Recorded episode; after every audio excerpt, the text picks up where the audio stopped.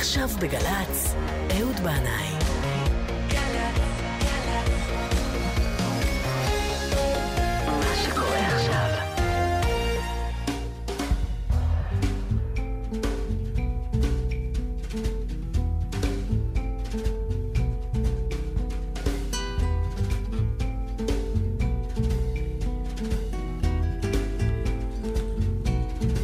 אהלן, אהלן, שלום לכם, ברוכים הבאים אל זה המקום ואל זה הזמן.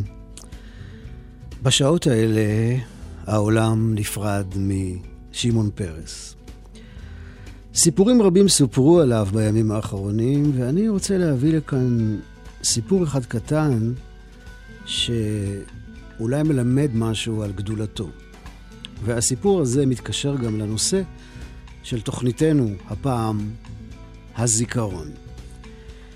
העיתונאי אלעזר לוין מספר שבשנת 1980 הוא סיקר מטעם עיתון הארץ אירוע כלכלי שנערך במלון הילטון בתל אביב. והוא ירד למסעדה קטנה לאכול צהריים, לפתע נפתחה הדלת, שמעון פרס נכנס למסעדה, מלווה במאבטחים, העיף מבט מסביב, ולפתע אורו עיניו, הוא ניגש אל אלעזר לוין, לחץ את ידו ואמר, שלום אלעזר, מה שלומך? איך העבודה בעיתון הארץ? חייך וחזר לשולחנו. אלעזר לוין אומר שהוא ממש נדהם, כי לא היה לו שום קשר מקצועי או קשר אחר עם פרס. אחרי מחשבה רבה הוא נזכר ששנים קודם לכן הם נפגשו ממש לכמה שניות ספורות, בקבלת פנים רבת משתתפים, מישהו הכיר ביניהם, ופרס זכר את הפגישה הזאת את העובדה שאלעזר לוין עבד בעיתון הארץ ואת שמו. ואומר אלעזר לוין, למדתי להעריך את זיכרונו המופלא של פרס, שוודאי סייע לו בעבודתו. יהי זכרו ברוך. There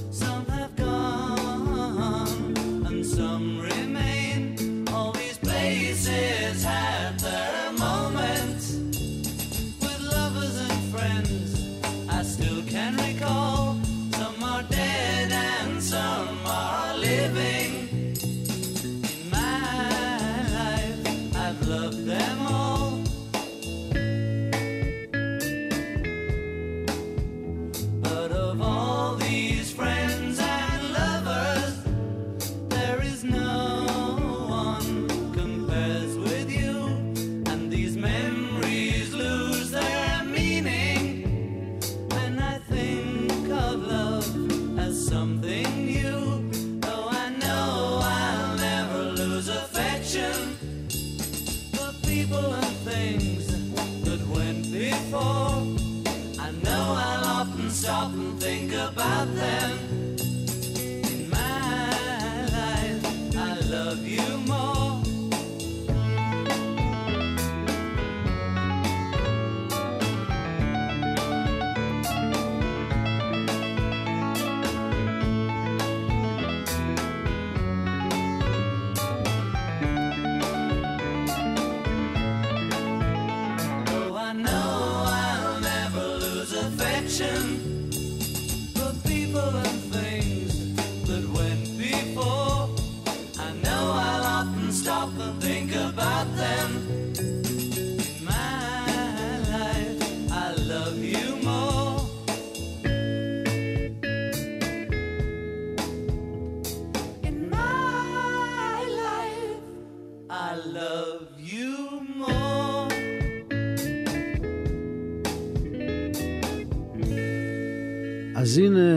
שנה חולפת לה. מה נזכור ממנה? מה יישאר ממנה בזיכרון שלנו? אנחנו uh, בתוכניתנו הפעם עוסקים בעניין הזיכרון ובשירים שקשורים לזיכרון. מעניין שבתורה, בסידור של ראש השנה וגם בקידוש של ערב החג, בכלל לא מופיע צמד המילים ראש השנה, אלא יום הזיכרון. התורה אומרת שזה יום זיכרון תרועה, ואנחנו מקדשים אותו כיום הזיכרון. אז מה בעצם הקשר בין ראש השנה ליום הזיכרון? והעניין הזה, כמו עניינים רבים אחרים שאנחנו עוסקים בהם בזה המקום, לא לגמרי ברור ויש סביבו ערפל של מסתורים. אבל אולי זה בגלל שבחג הזה, שהוא יום בריאת האדם, אנחנו חוזרים אל ההתחלה, אל הראשית, אל המקום שבו הזיכרון הוא עדיין דף חלק, שלא נכתב עליו דבר. השקט שלפני האמירה יהי אור. הדממה הקוסמית האדירה והעמוקה לפני הבום של המפץ הגדול. תנסו לתאר לעצמכם עולם ללא זיכרון. אפשר? לא, אי אפשר, נכון? כי כל הידע האנושי שלנו, המדעי, דתי, ערכי, היסטורי, טכנולוגי, הכל מבוסס על יכולתו של האדם לזכור. שפת הדיבור, הכתב, הקריאה, המוזיקה, התרבות האנושית, הכל מבוסס על היכולת האנושית לזכור. כי בלעדיה היינו יצורים חלולים, ללא עבר, ללא עתיד, משוטטים ללא מטרה בחלל ריק, פחד אלוהים.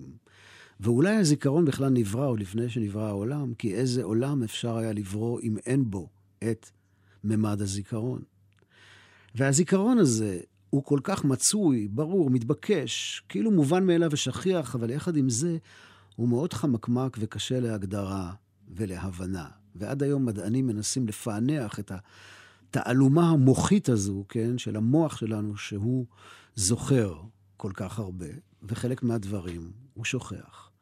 אז הנה עוד שנה חולפת. מה יישאר ממנה בזיכרון שלנו? למה אנחנו זוכרים דברים מסוימים ודברים אחרים אנחנו שוכחים? למה אני לא זוכר את השיר מהגן, שני חרוזים בלי מילים קשות, אבל אני כן זוכר איך ליד השולחן בשבת הכל נראה קדוש?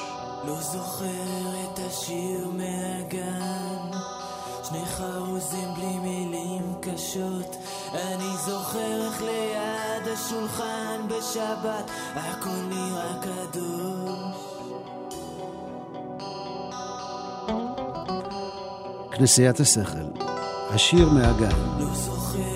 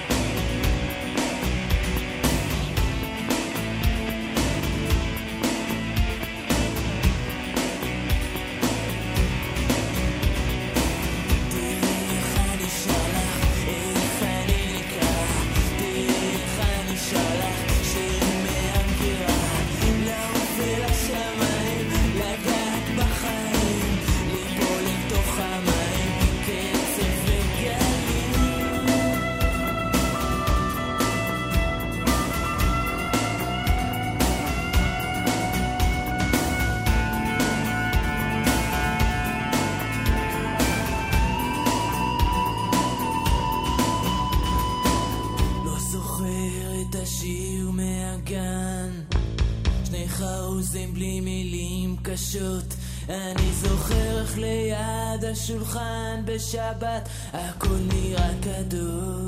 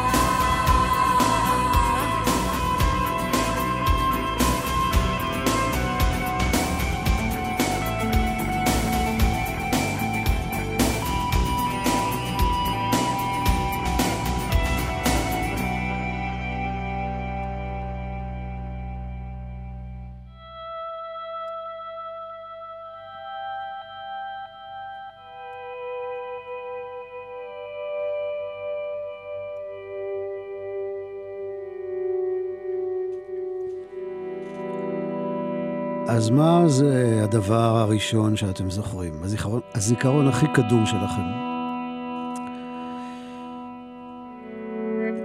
אני זוכר אה, חצר קטנה בירושלים, בשכונת מקור ברוך.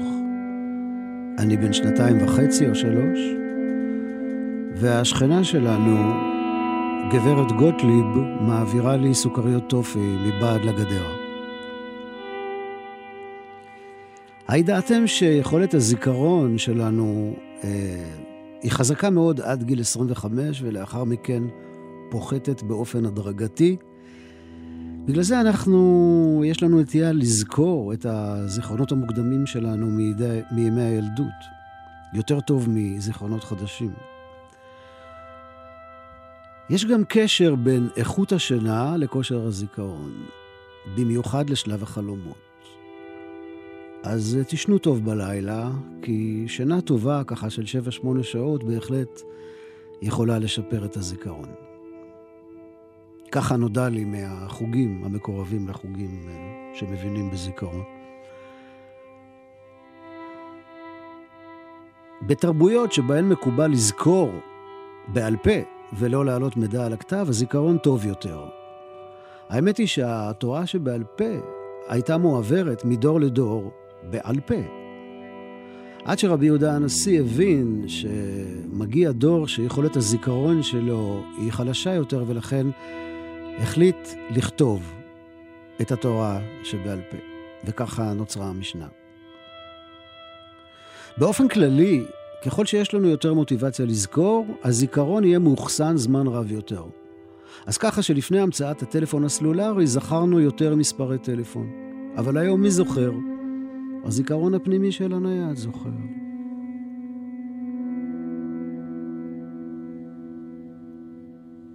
הזיכרון המרחבי טוב יותר אצל בני תרבויות שבהן יכולת ההתמצאות במרחב חשובה. אז ככה, אצל האבורג'ינים והאינדיאנים הרמת גנים, הזיכרון המרחבי ממש מעולה. אבל היום, מי זוכר? הווייז זוכר.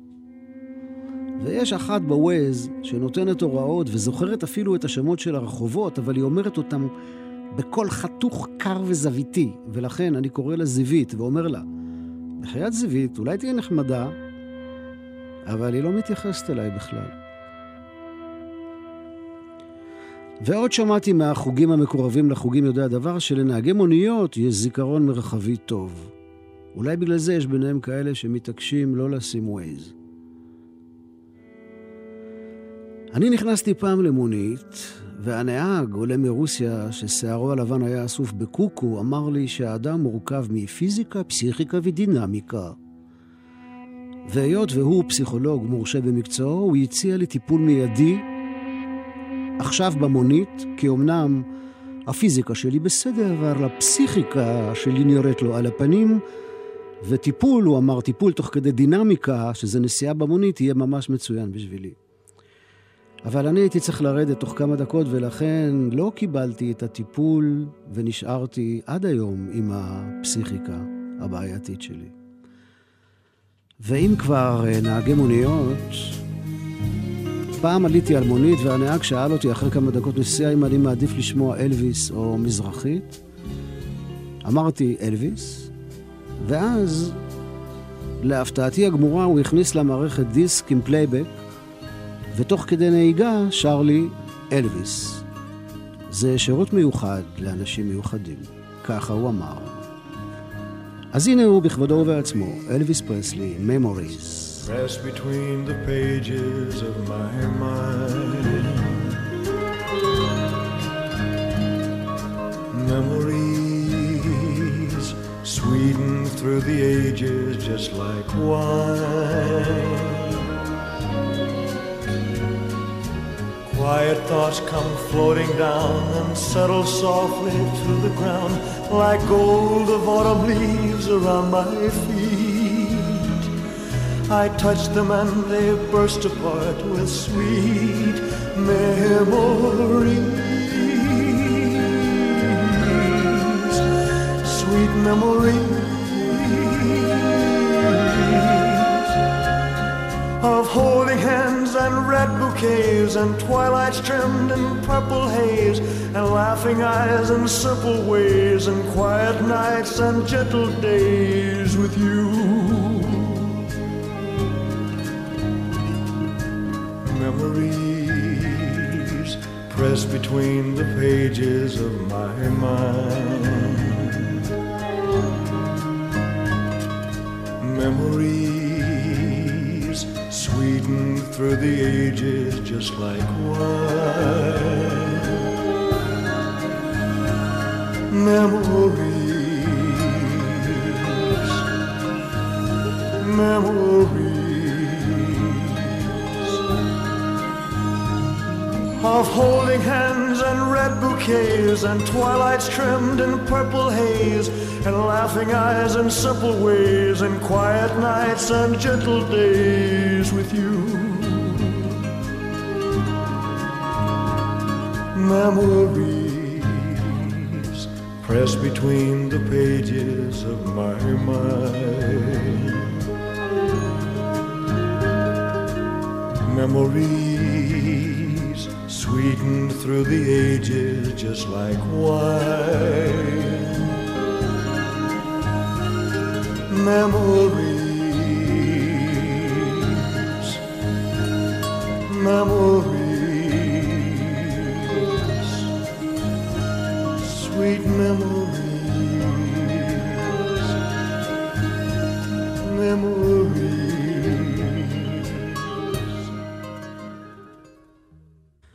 את זוכרת את הלילה ההוא בעיירת החוף ההומה, עם משפחות וילדים משוטטים ברחובות ובגנים באמצע הלילה, כשהיינו בדרכנו אל הבלתי ידוע?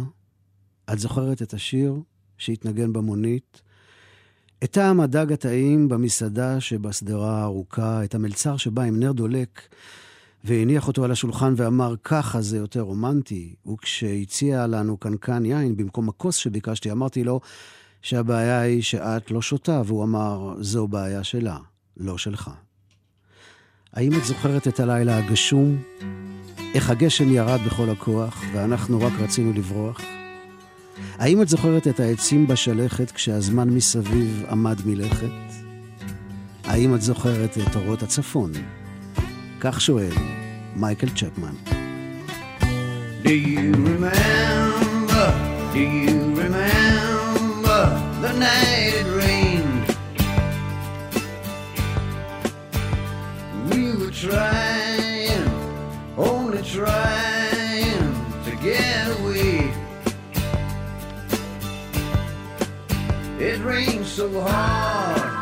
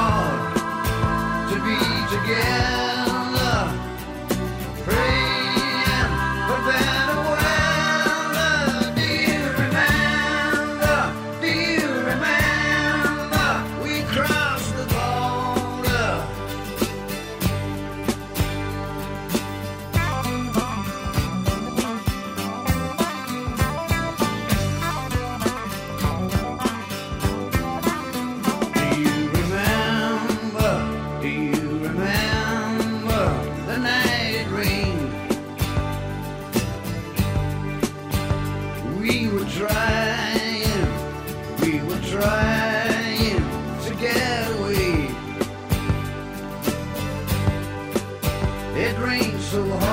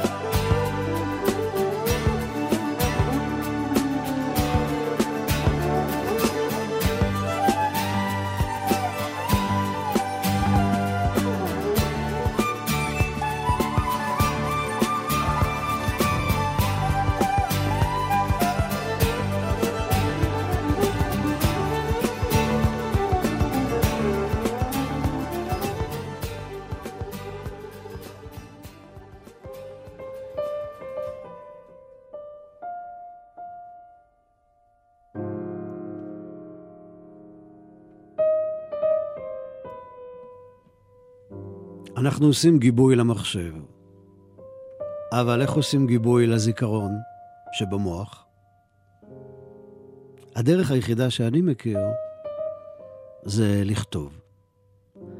כשאני לא מצליח להירדם בגלל זיכרון שחוזר שוב ושוב ולא מרפה, כמו לופ, אני קם, כותב את הזיכרון הזה, ואז אני יכול, כביכול, למחוק אותו זמנית מהראש, וסוף סוף להירדם. זה הגיבוי שלי. ובגלל שהרבה משיריי וסיפוריי הם תוצאה של נדודי שינה, קראתי לספרי הראשון זוכר כמעט הכל. וזה גם שמו של הסיפור שמסיים את הספר. סיפור שמתאר פגישה שלא התקיימה במציאות עם המחזאי יוסף מונדי בלילה מושלג בניו יורק. תוך כדי הליכה, מונדי מספר לי על הרעיון שלו לעשות סרט על ברנר. קראתי פעם בהקדמה שלו לספר השיחות בחצות הלילה עם פנחס שדה, הוא כותב שם אה, על הרצון שלו לעשות סרט כזה. הסיפור מסתיים כך: בשיחת הטלפון האחרונה בינינו, הוא טען ששכח חצי ממה שדיבר אותו לילה. אבל אני, ידידו השתקן, זוכר כמעט הכל. ואת הסיפור הזה אני אמשיך עשר שנים אחר כך בספרי השני זה המקום, בסיפור שנקרא גן העלייה השנייה. ובגבעתיים, עיר נעוריי, יש גן ציבורי נוסף בו נהגתי לבלות לא מעט, והוא נקרא גן הזיכרון. ואולי לזה התכוון הסופר הארגנטינאי בורכס, כשקרא לקובץ הסיפורים שלו גן השבילים המתפצלים.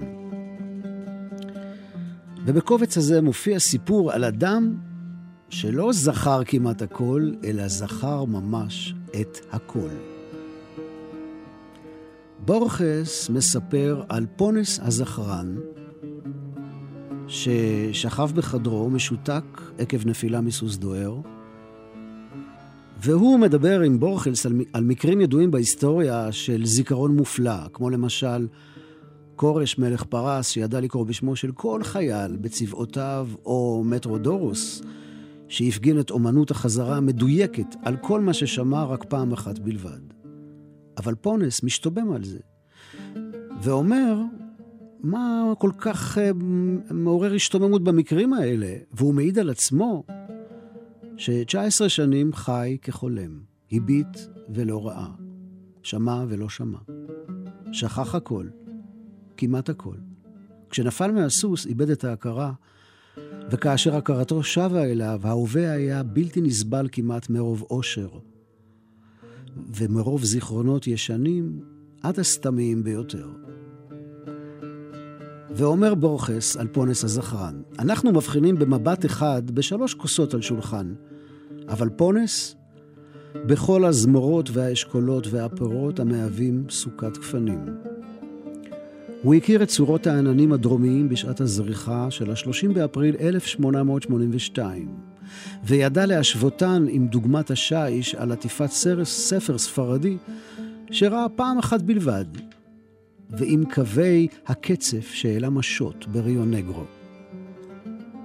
הוא ידע לשחזר את כל החלומות, ואת כל מה שבין החלומות. פעמיים או שלוש כבר שחזר יום שלם. לכל שחזור כזה נדרש יום שלם.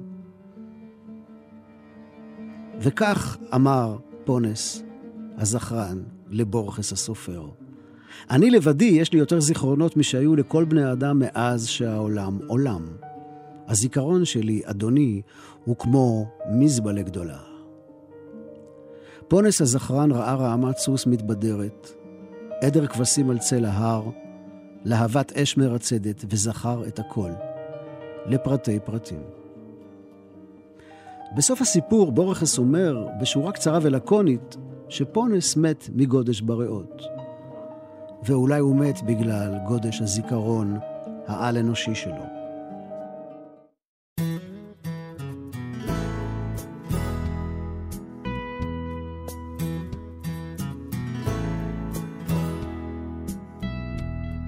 I remember this town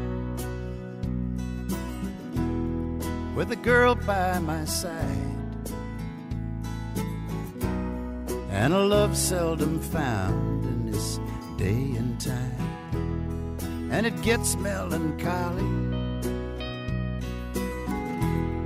every now and again. When you let your mind go and it drifts way back when. Now life plays its tricks, some cruel but fair. And even a fool can pretend they don't care. When there's too many memories for one heart to hold. Once a future so bright now seems distant and cold. And the shadows grow long and your eyes look so old. When there's too many memories one heart to hold.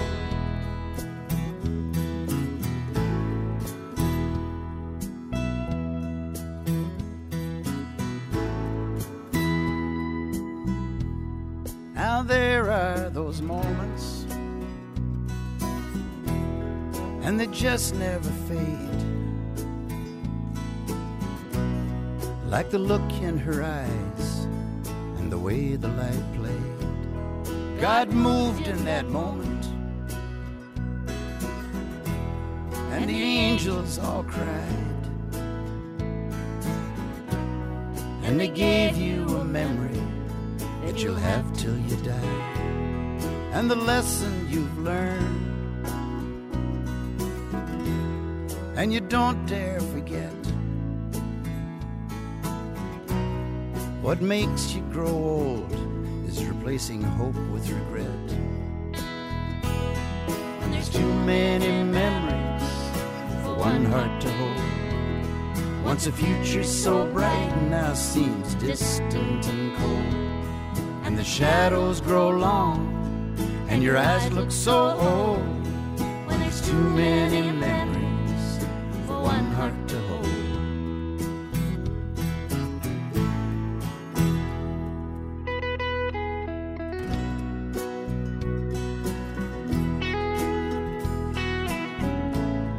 וזה תום רעש, והוא אומר שיש לו יותר מדי זיכרונות. Too many memories. תום רעש. Too many memories for one heart to hold. Once a future so bright now seems distant and cold. And the shadows grow long, and your eyes look so old. When there's too many memories there's too many memories for one heart to hold.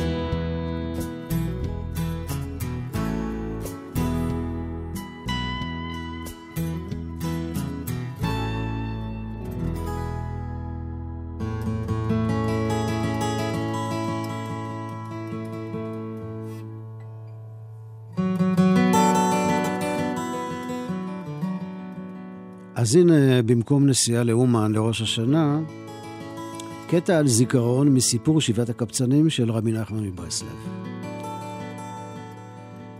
מעשה בחבורת אנשים שניצלו מסערה בלב ים והתקבצו אל מגדל אחד, וכדי להעביר את הזמן אמרו שכל אחד יספר על הזיכרון הראשון, הכי קדום, שיש לו. נתנו כבוד לזקן ביותר, והוא פתח ואמר, אני זוכר שחתכו את התפוח מהענף. ואחר כך הם המשיכו לדבר על פי סדר הגיל שלהם מהמבוגר לצעיר, והשני אמר, אני זוכר שהיה הנר דולק. והשלישי אמר, אני זוכר שהתחיל להתרקם הפרי. הרביעי אמר, אני זוכר שהוליכו את הגרעין לנטוע את הפרי. והחמישי אמר, אני זוכר את המצאת הגרעין, והשישי אמר שהוא זוכר את הטעם של הפרי עוד לפני שנכנס אל הפרי, והשביעי אמר שהוא זוכר את הריח של הפרי עוד לפני שנכנס לפרי, והשמיני אמר שהוא זוכר את המראה של הפרי עוד לפני שנהיה פרי. והאחרון, הצעיר ביותר, אמר, שהוא לא זוכר כלום. והחליטו שהזיכרון שלו הוא הקדום ביותר מכל הזיכרונות, למרות שהוא הצעיר מכולם. אחר כך הגיע הנשר הגדול, הוציא את החבורה מהמגדל, החזיר אותה למקום יישוב, ובדרך הסביר את מה שאמרו. הזקן זוכר איך חתכו את התפוח מהענף, כלומר, זוכר איך חתכו את חבל הטבור שלו אחרי הלידה. השני זוכר את הנר שהיה דולק מעל ראשו ברחם אמו. השלישי זוכר איך התחיל להתרקם גופו ברחם אמו. הרביעי זוכר את מעשה הזיווג של הוריו, החמישי את המחשבה שהייתה במוח הוריו עוד לפני שנברא. זה שזוכר את הריח עוד לפני שנכנס לפרי, זוכר את הנשמה טרם נכנסה לגוף, והצעיר מכולם לא זוכר כלום, כי הוא הגיע לזיכרון של למעלה מהזמן. אל העין, אל החלל הפנוי שממלא את היקום בטרם נברא העולם.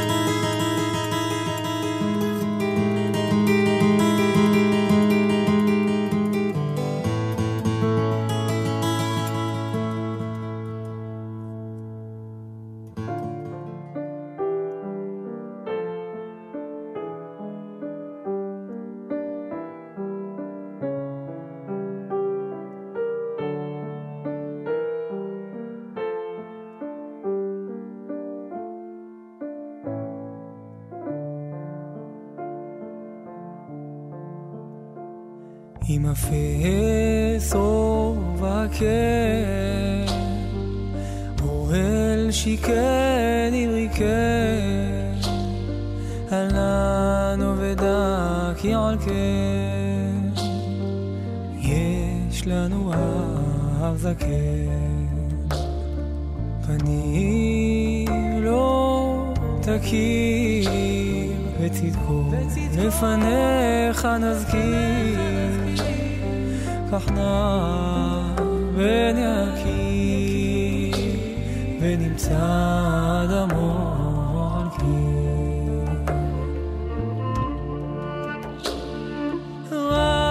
אל הנער להקדישו.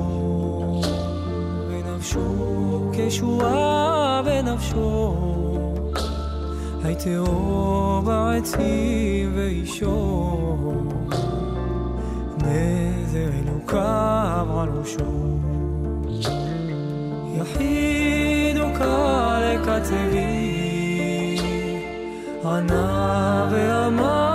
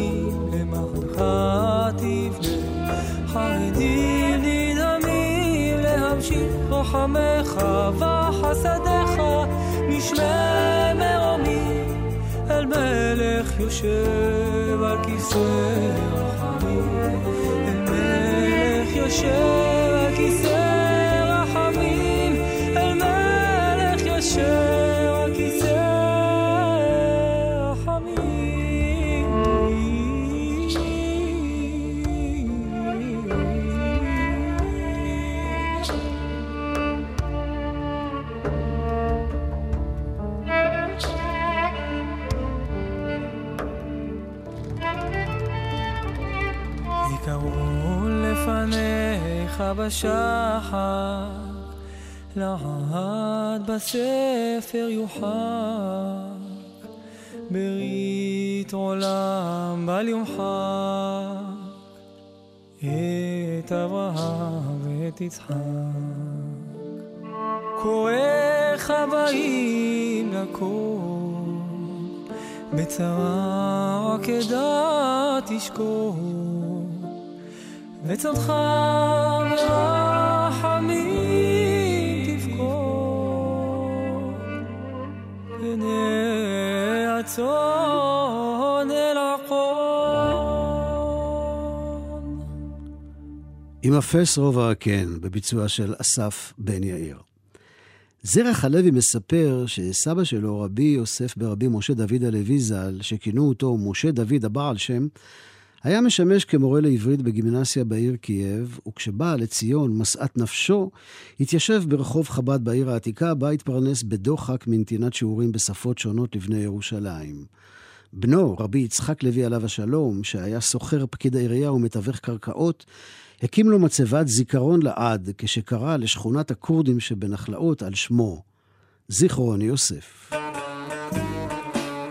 אז הנה גברי בנאי, והוא שר על הרווח שבין זיכרון יוסף לשכונת הפחים. המילים של יוסי בנאי.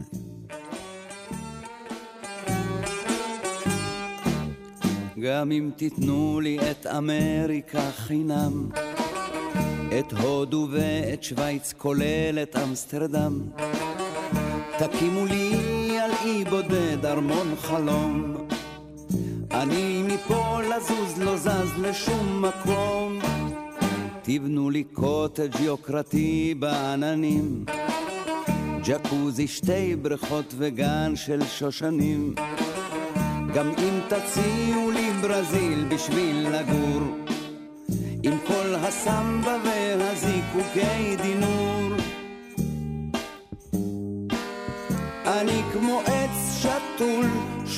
שורשיי נחים, בין זיכרון יוסף לשכונת הפחים. אני כמו עץ שתול, שורשיי נחים, בין זיכרון יוסף לשכונת הפחים. נכון שפה אולי קשה עם הצלחות, ומה שפה הולך חזק זה הבטחות, ומזג האוויר גם הוא שלא נדע, והעתיד מפה נראה כמו חידה. כאן כל אחד מלא חוכמה כמו ספרייה, והתקווה בלב למצוא כאן חניה. אבל אני, תגידו לי, לגור בסין. אני אומר יפה, לא, לא, תודה, מרסי. אני כמו עץ שתול, שורשיי נחים, בין זיכרון יוסף לשכונת הפחים. אני כמו עץ שתול, שורשיי נחים, בין זיכרון יוסף לשכונת הפחים.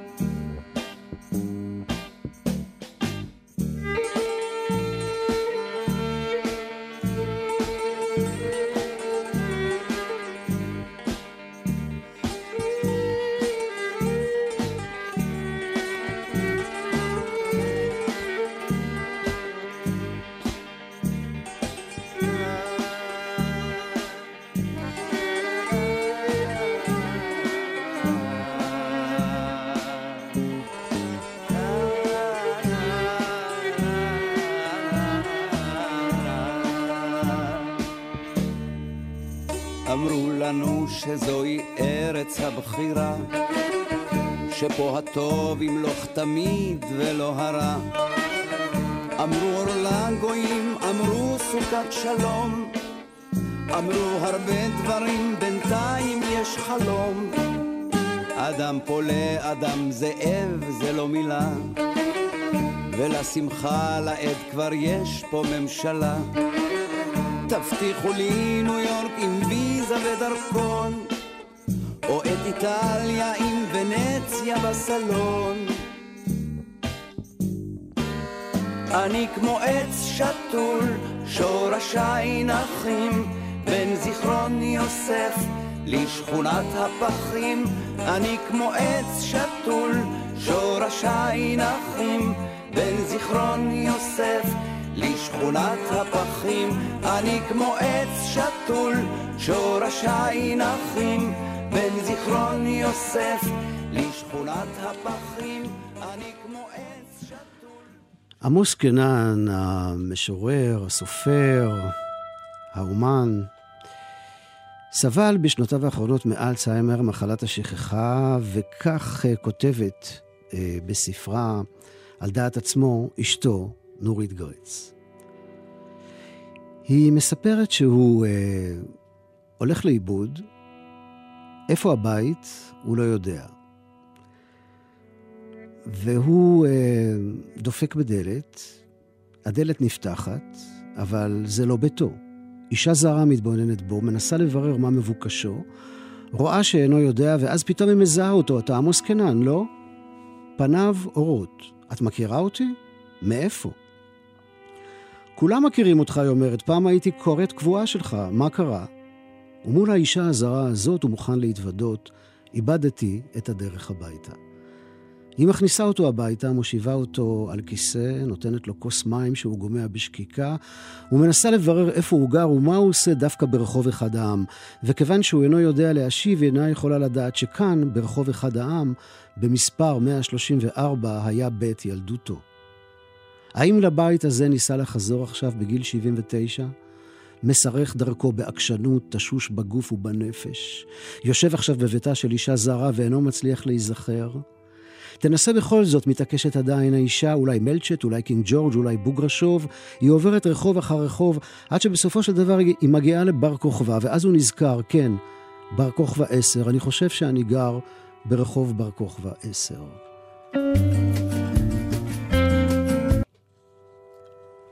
האישה מחליפה במהירות לבגדי רחוב, לוקחת אותו ביד ומסיעה אותו במכוניתה לביתו. מכאן, מהפתח המוביל לכניסה שבקומת הקרקע, הוא מבטיח לה שידע למצוא את דרכו. היא נוסעת משם, ובני משפחתו שכבר הזיקו משטרה, אינם יודעים אפילו למי להודות. על השאלה איפה היית, כל כך דאגנו לך, הם מקבלים תשובה חד משמעית, ללא כל הסבר נוסף. הייתי בבית. וזאתי רונה קנן, בתו של עמוס, מתוך האלבום שלה, שירים ליואל. אתה מתעורר. אתה מתעורר, הכרית לידך עדיין חמה. כולנו יודעים שזה שקר, היא הלכה לפני שנים. אבל כמו כאב רפאים, הכרית לפעמים עוד חמה. אתה מתרגל ישיבה במטבח ודברים אחרים שעושים אנשים. בגילך אין לזה סיבה. זה מעביר את הזמן ועובדה שעברו כבר שנים. אל תהפוך לאיש העצוב מהשיר תן לי סיבה שהעצב יש לו סוף. אתה מצלצל אליה כל יום באותה השעה. זה כמו להאכיל דגים באקווריום אין לזה תמורה. מה גם שהיא מזמן לא גרה כאן. אז אני עונה כל יום באותה השעה רוצה לקלקל את השגרה שלך, נכון זה משונה, אבל קרו כבר דברים משונים מאלה, ויש בזה נחמה, אתה ואני, כמו שתי צלחות לוויין בחלל הבודד, מחכות שיגיע הסימן.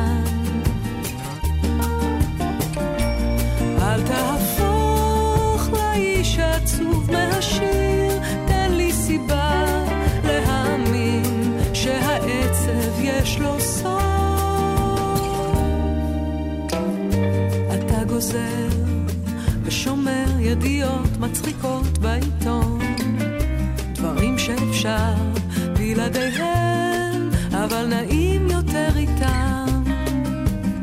הם ממלאים את הבית בשולי ובטפל. אתה מתבונן בכתם קפה על שולחן במטבח. פתאום הוא גדל וממלא את החדר,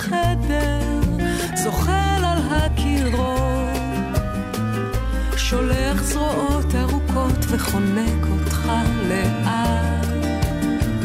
אז אתה מצלצל באיחור לא אופייני. אנחנו שותקים ואז אתה מצטט לי שיר של אבידן. אם כך ואם כך, הקטע נשאר לקיר. אתה ואני כמו שתי צלחות לוויין מחכות שיגיע סימן. אל תהפוך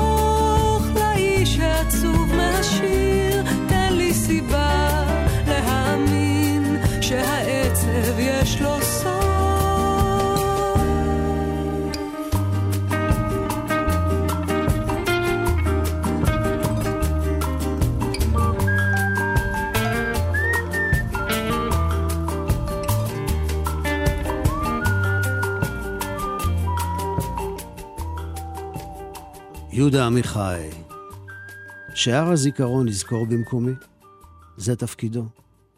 שהגן לזכר יזכור, שהרחוב על שם יזכור, שהבניין הידוע יזכור, שבית התפילה על שם אלוהים יזכור, שספר התורה המתגלגל יזכור, שהיזכור יזכור, שהדגלים יזכרו, התכריכים הצבעוניים של ההיסטוריה, אשר הגופים שעטפו הפכו אבק, שהאבק יזכור, שהאשפה תזכור בשער, שהשליה תזכור, שחיית השדה ועוף השמיים יאכלו ויזכרו, שכולם יזכרו, כדי שאוכל לנוח.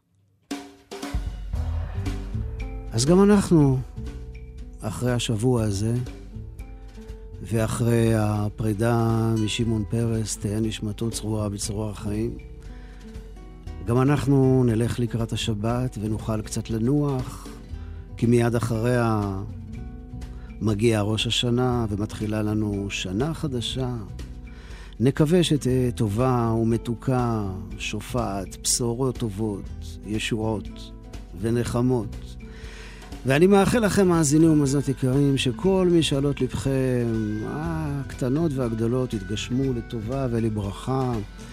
אני רוצה לומר תודה לליעד גרושקה על הניהול הטכני, תודה לאלי העברי ונועם באום על ניהול ההפקה. תודה לכם באשר אתם שם על ההאזנה. שבת שלום, שנה טובה ומתוקה לכולכם. כל טוב וסלמה.